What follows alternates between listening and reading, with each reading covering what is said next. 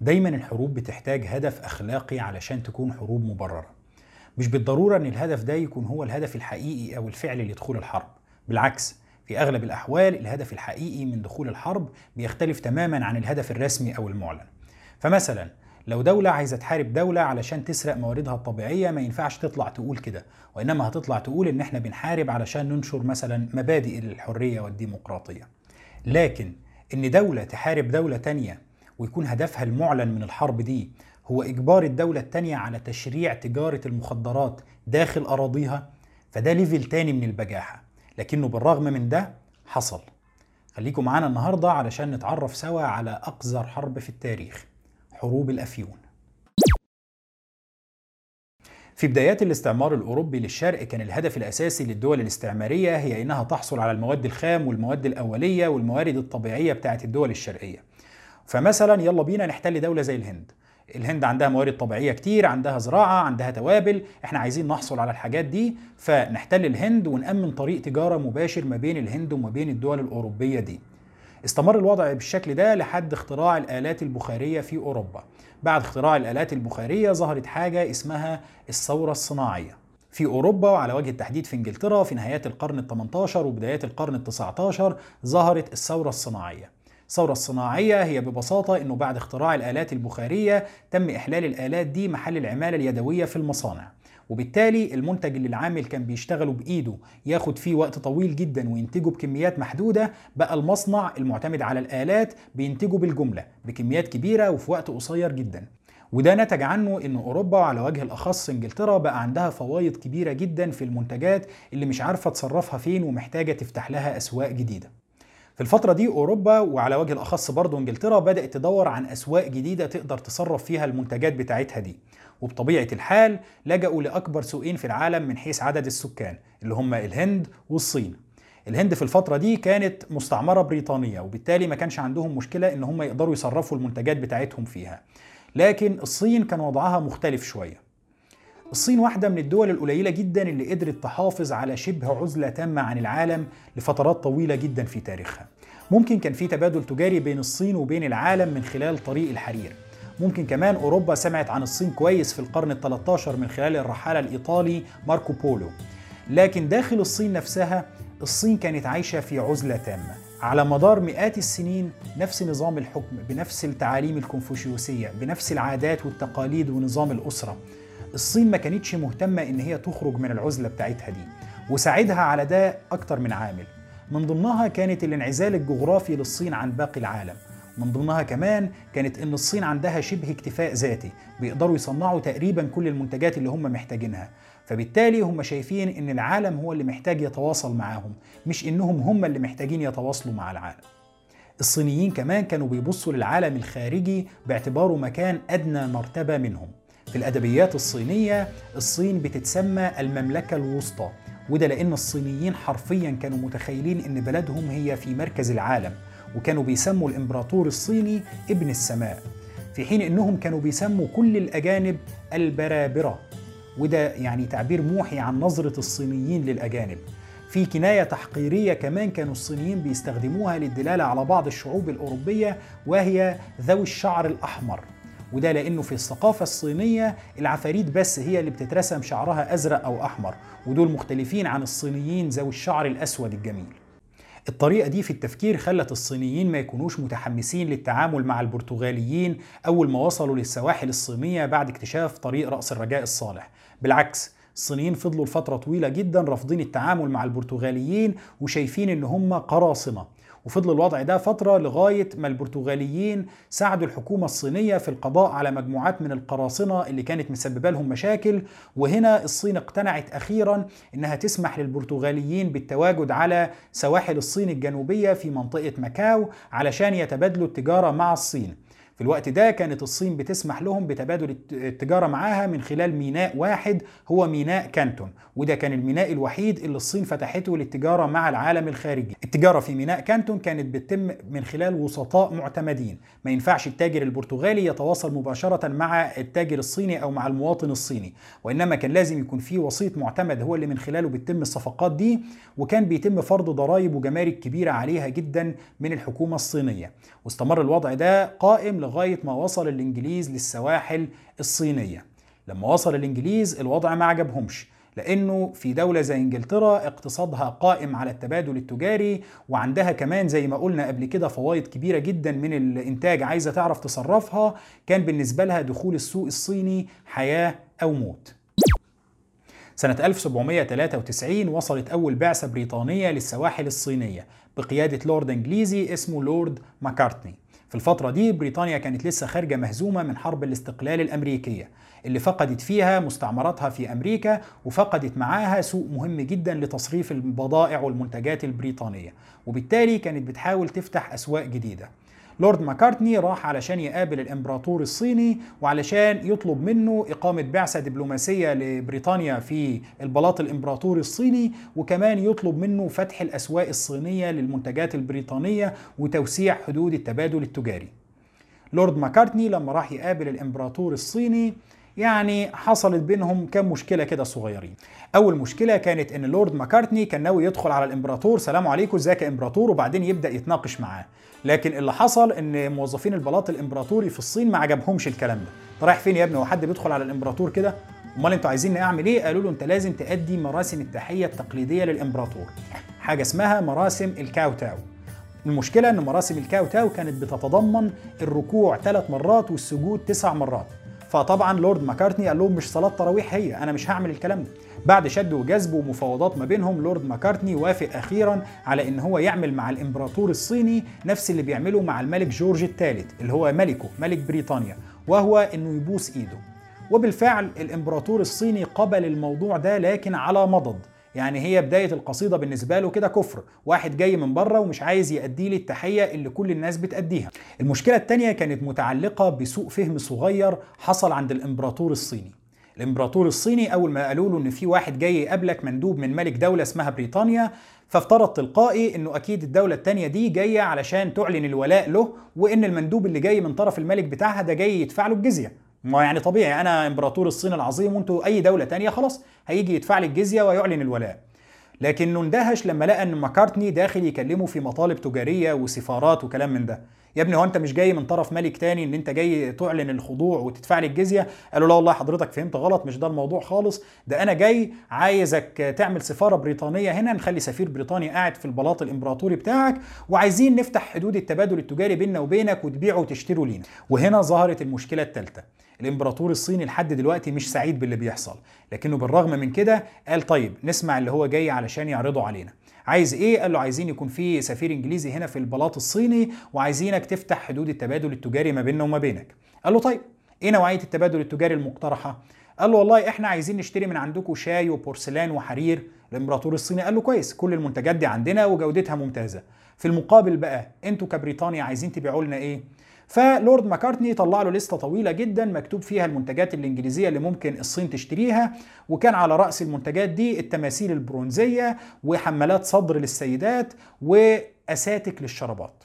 فحضرتك تخيل إنه لورد ماكارتني راح يقنع الإمبراطور الصيني إنه يشتري من عندهم أساتك شرابات. لأنه طبعا زي ما إحنا عارفين أساتك الشرابات دي سلعة مهمة جدا جدا جدا بالنسبة لرفاهية الشعب الصيني.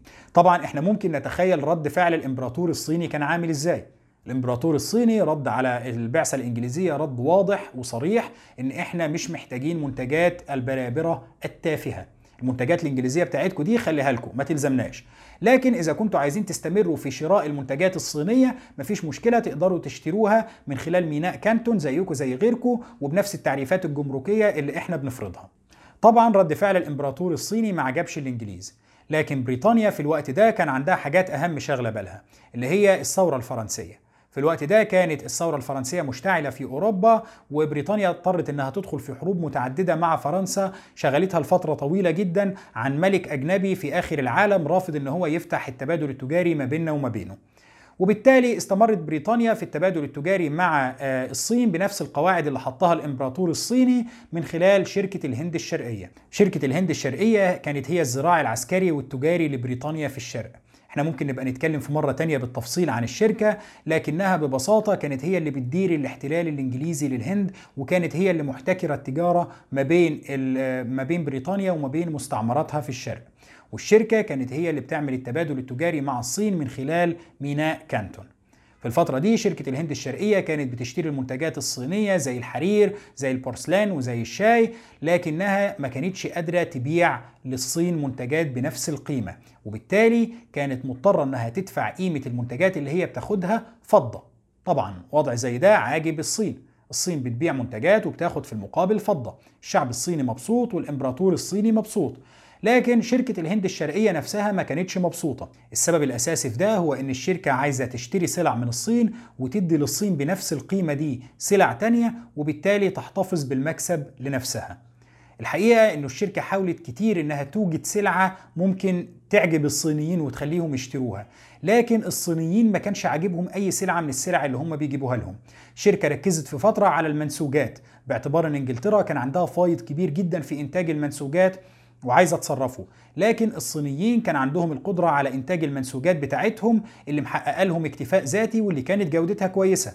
ممكن بتاخد وقت أكبر شوية في الصناعة بس وإيه يعني؟ الصينيين مش زعلانين من الموضوع في حاجة. وبالتالي فضل في عجز كبير في الميزان التجاري ما بين الشركة وما بين الصين. والشركة حاولت تملاه بكل الطرق الممكنة. أخيرا الشركة قدرت إنها تلاقي الفرخة اللي بتبيض ذهب قدرت تلاقي السلعة اللي فعلا هتعجب الصينيين وهتخليهم يدفعوا لها كل الفضة الممكنة. الأفيون. في الفترة دي شركة الهند الشرقية كانت بتزرع الأفيون في المنطقة المعروفة حاليا باسم بنجلاديش وبعد كده كانت بتدي الأفيون ده للمهربين وتخليهم يدخلوه داخل الحدود الصينية علشان يبيعوه للمواطنين الصينيين. الإدمان فعلا بدأ ينتشر بين أفراد الشعب الصيني وبدأت الأرباح تتدفق على شركة الهند الموضوع كان مربح جدا للشركة واللي هم كانوا بيدفعوه للصين باليمين كانوا بياخدوه منهم تاني بالشمال لكن في مقابل سلعة زي الأفيون. الموضوع انتشر وبدأ يسبب مشكلة كبيرة في المجتمع الصيني وبدأ يسبب مشكلة للحكومة الصينية. هنا الإمبراطور الصيني ما كانش مبسوط باللي بيحصل في بلده. من ناحية أنت بتحول الشعب بتاعي لمجموعة من المدمنين ومن ناحية تانية أنت بتستنزف موارد البلد المادية. الفلوس اللي كانت داخلة البلد دلوقتي بتخرج منها وبتخرج منها بكميات كبيرة. وعلشان كده الإمبراطور الصيني أصدر مجموعة من القرارات على سنوات مختلفة. الهدف الوحيد منها هو تجريم تعاطي وتجارة الأفيون وتشديد الرقابة عليه. لكن بالرغم من كل القرارات دي وبالرغم من الجهود اللي عملتها الدولة الصينية تجارة الأفيون وتعاطيه داخل الصين استمرت في الانتشار. تجارة وتعاطي الأفيون في الصين استمرت في الزيادة بالرغم من كل الجهود اللي الحكومة الصينية كانت بتعملها علشان تحارب تجارة الأفيون إلا أنه في النهاية شركة الهند الشرقية على الجانب الآخر كانت بتعمل كل اللي تقدر عليه علشان التجارة دي تستمر في الازدهار وبالتالي عوائدها المالية تفضل مستمرة في الزيادة. وعلشان كده الموضوع كان لازم يوصل لمرحلة الصدام. من ناحية الحكومة الصينية مش راضية عن اللي بيحصل مش عاجبها إن شعبها يتحول لمدمنين ومش عاجبها إن مواردها المالية تستمر في إنها تستنزف للخارج. من الناحية التانية بريطانيا هنا كانت داخلة في العصر الفيكتوري. العصر اللي بريطانيا فيه كانت ماشية زي البلطجي مستعدة تعمل أي حاجة وتدخل في أي حرب المهم إن هي تحافظ على مصالحها وتجارتها ومستعمراتها. بعد استفحال أزمة تعاطي وتجارة الأفيون داخل الأراضي الصينية الإمبراطور الصيني قرر أنه لازم نضع حد للمهزلة دي. وقتها الإمبراطور اختار موظف شريف جدا ومحترم جدا وقرر أنه هو يحطه على رأس حملته لمكافحة تجارة وتعاطي الأفيون في الصين. الموظف ده كان اسمه لين تسي كو. لين سيكو زي ما قلنا كان راجل شريف جدا وكان محترم جدا. الراجل كان عنده مثل وقيم ومبادئ ماشي عليها وكان عنده الدنيا يا أبيض يا أسود. مفيش منطقة رمادية ومفيش حلول وسط. وبالتالي كان هو الشخص المناسب في المكان المناسب.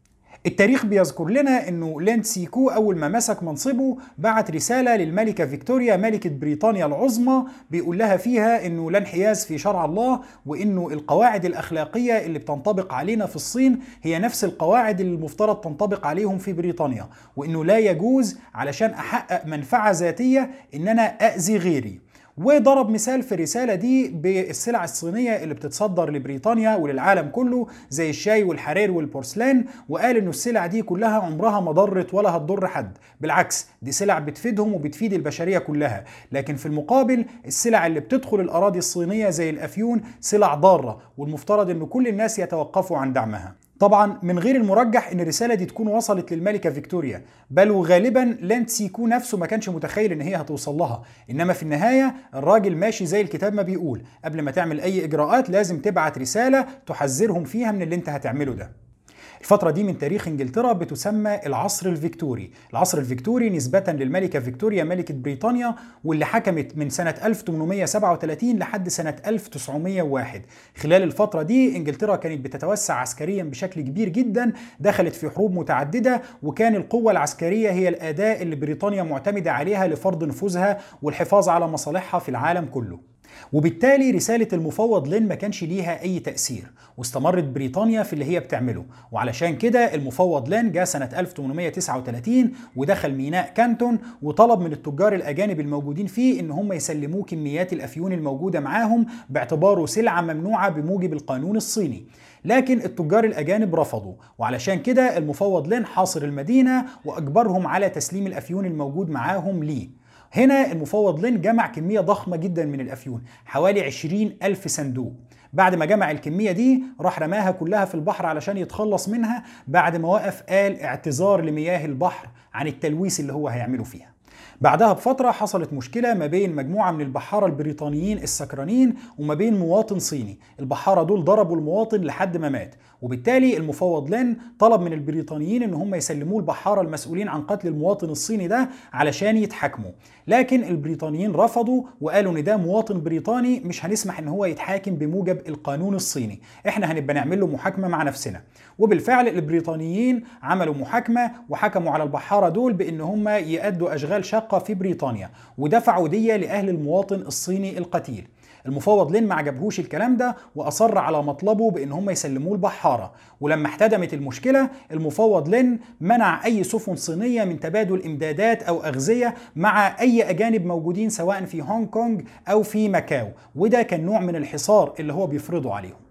وفي خلال شهرين في شهر نوفمبر سنة 1839 حصل تبادل لإطلاق النار ما بين سفن بريطانية وسفن صينية وده تم اعتباره البداية الرسمية لحرب الأفيون الأولى. حرب الأفيون الأولى استمرت سنتين من سنة 1840 لسنة 1842 هنا البريطانيين لما بيتكلموا عن الحرب دي بيقولوا إن الهدف الأساسي من الحرب ما كانش إجبار الصين على تجارة الأفيون وإنما كان غضب بريطانيا من الغطرسة الصينية. البريطانيين شايفين إن الصينيين كانوا بيتعاملوا معاهم باستعلاء كانوا بيرفضوا يستقبلوا ممثلين عن بريطانيا في البلاط الصيني وكانوا رافضين السماح بحرية التجارة. على أي حال في حرب الأفيون الأولى السفن والبوارج البريطانية استمرت في قصف الموانئ الصينية لمدة سنتين. القصف ده استمر بشدة لغاية ما تم إجبار الصين على توقيع معاهدة نانكينج. ودي كانت المعاهدة اللي أنهت الحرب وكانت أول معاهدة بين الصين وبين بريطانيا في سلسلة من المعاهدات اللي الصينيين هيسموها بعد كده المعاهدات غير المتكافئة.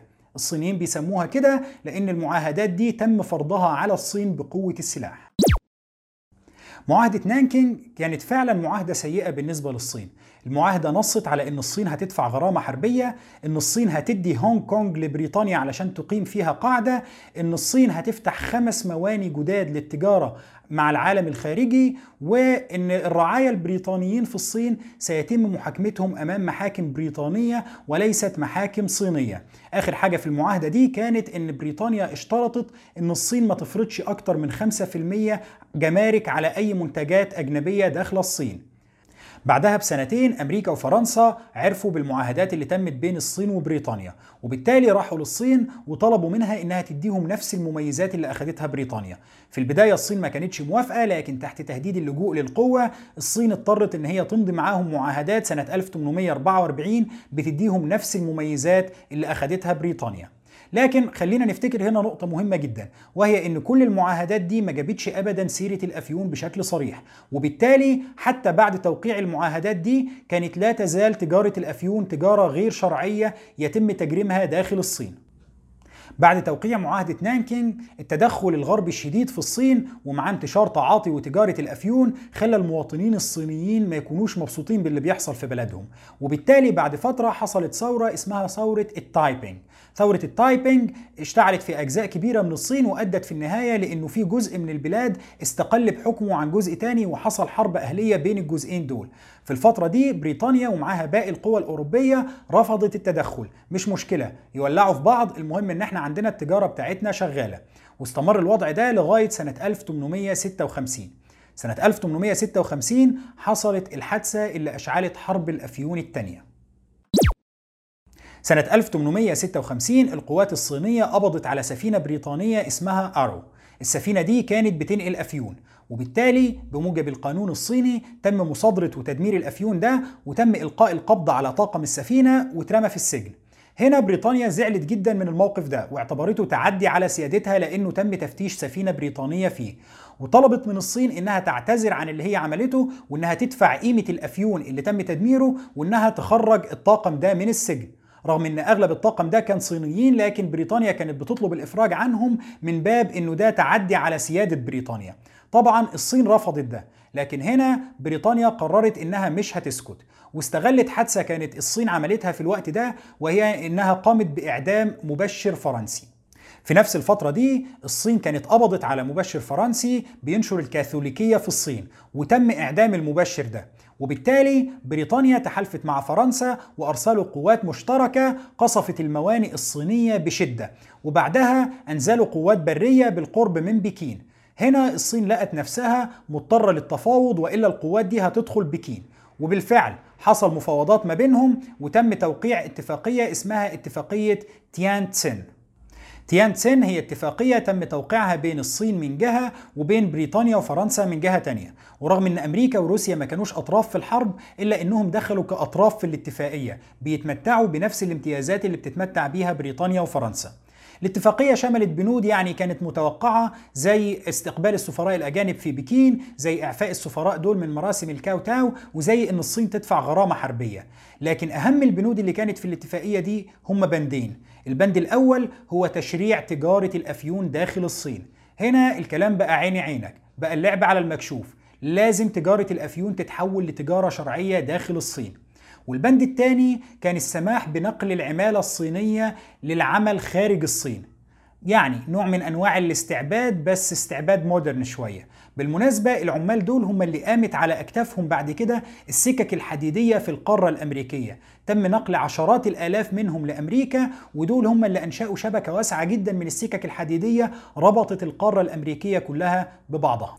بعدها الصين بتحاول تماطل في التصديق على اتفاقية تيانتسن وده بيخلي بريطانيا وفرنسا يبعتوا قوات مشتركة علشان تهاجم بكين نفسها.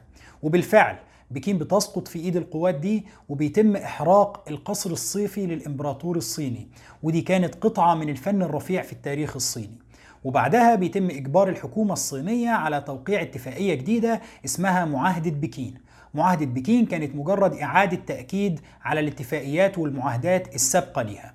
ودي تعتبر النهاية الرسمية لحرب الأفيون الثانية سنة 1860 بعدها القوة دي بتساعد الحكومة الصينية في القضاء على ثورة التايبنج وبالتالي بيبقى الباب مفتوح قدامها لتقسيم الصين لمناطق نفوذ وبتنتهي السيادة الصينية بشكل فعلي. الشعب الصيني بعدها حاول إن هو يقوم بأكتر من ثورة لكن الوضع استمر من سيء لأسوأ. كل الثورات اللي الشعب الصيني حاول يقوم بيها تم قمعها بمنتهى القسوة. عندنا أرقام بتتكلم إنه بنهاية القرن ال19 الصين كان فيها من 100 ل 120 مليون مدمن أفيون. رقم مفزع زي ده هو اللي الصين دخلت بيه القرن العشرين.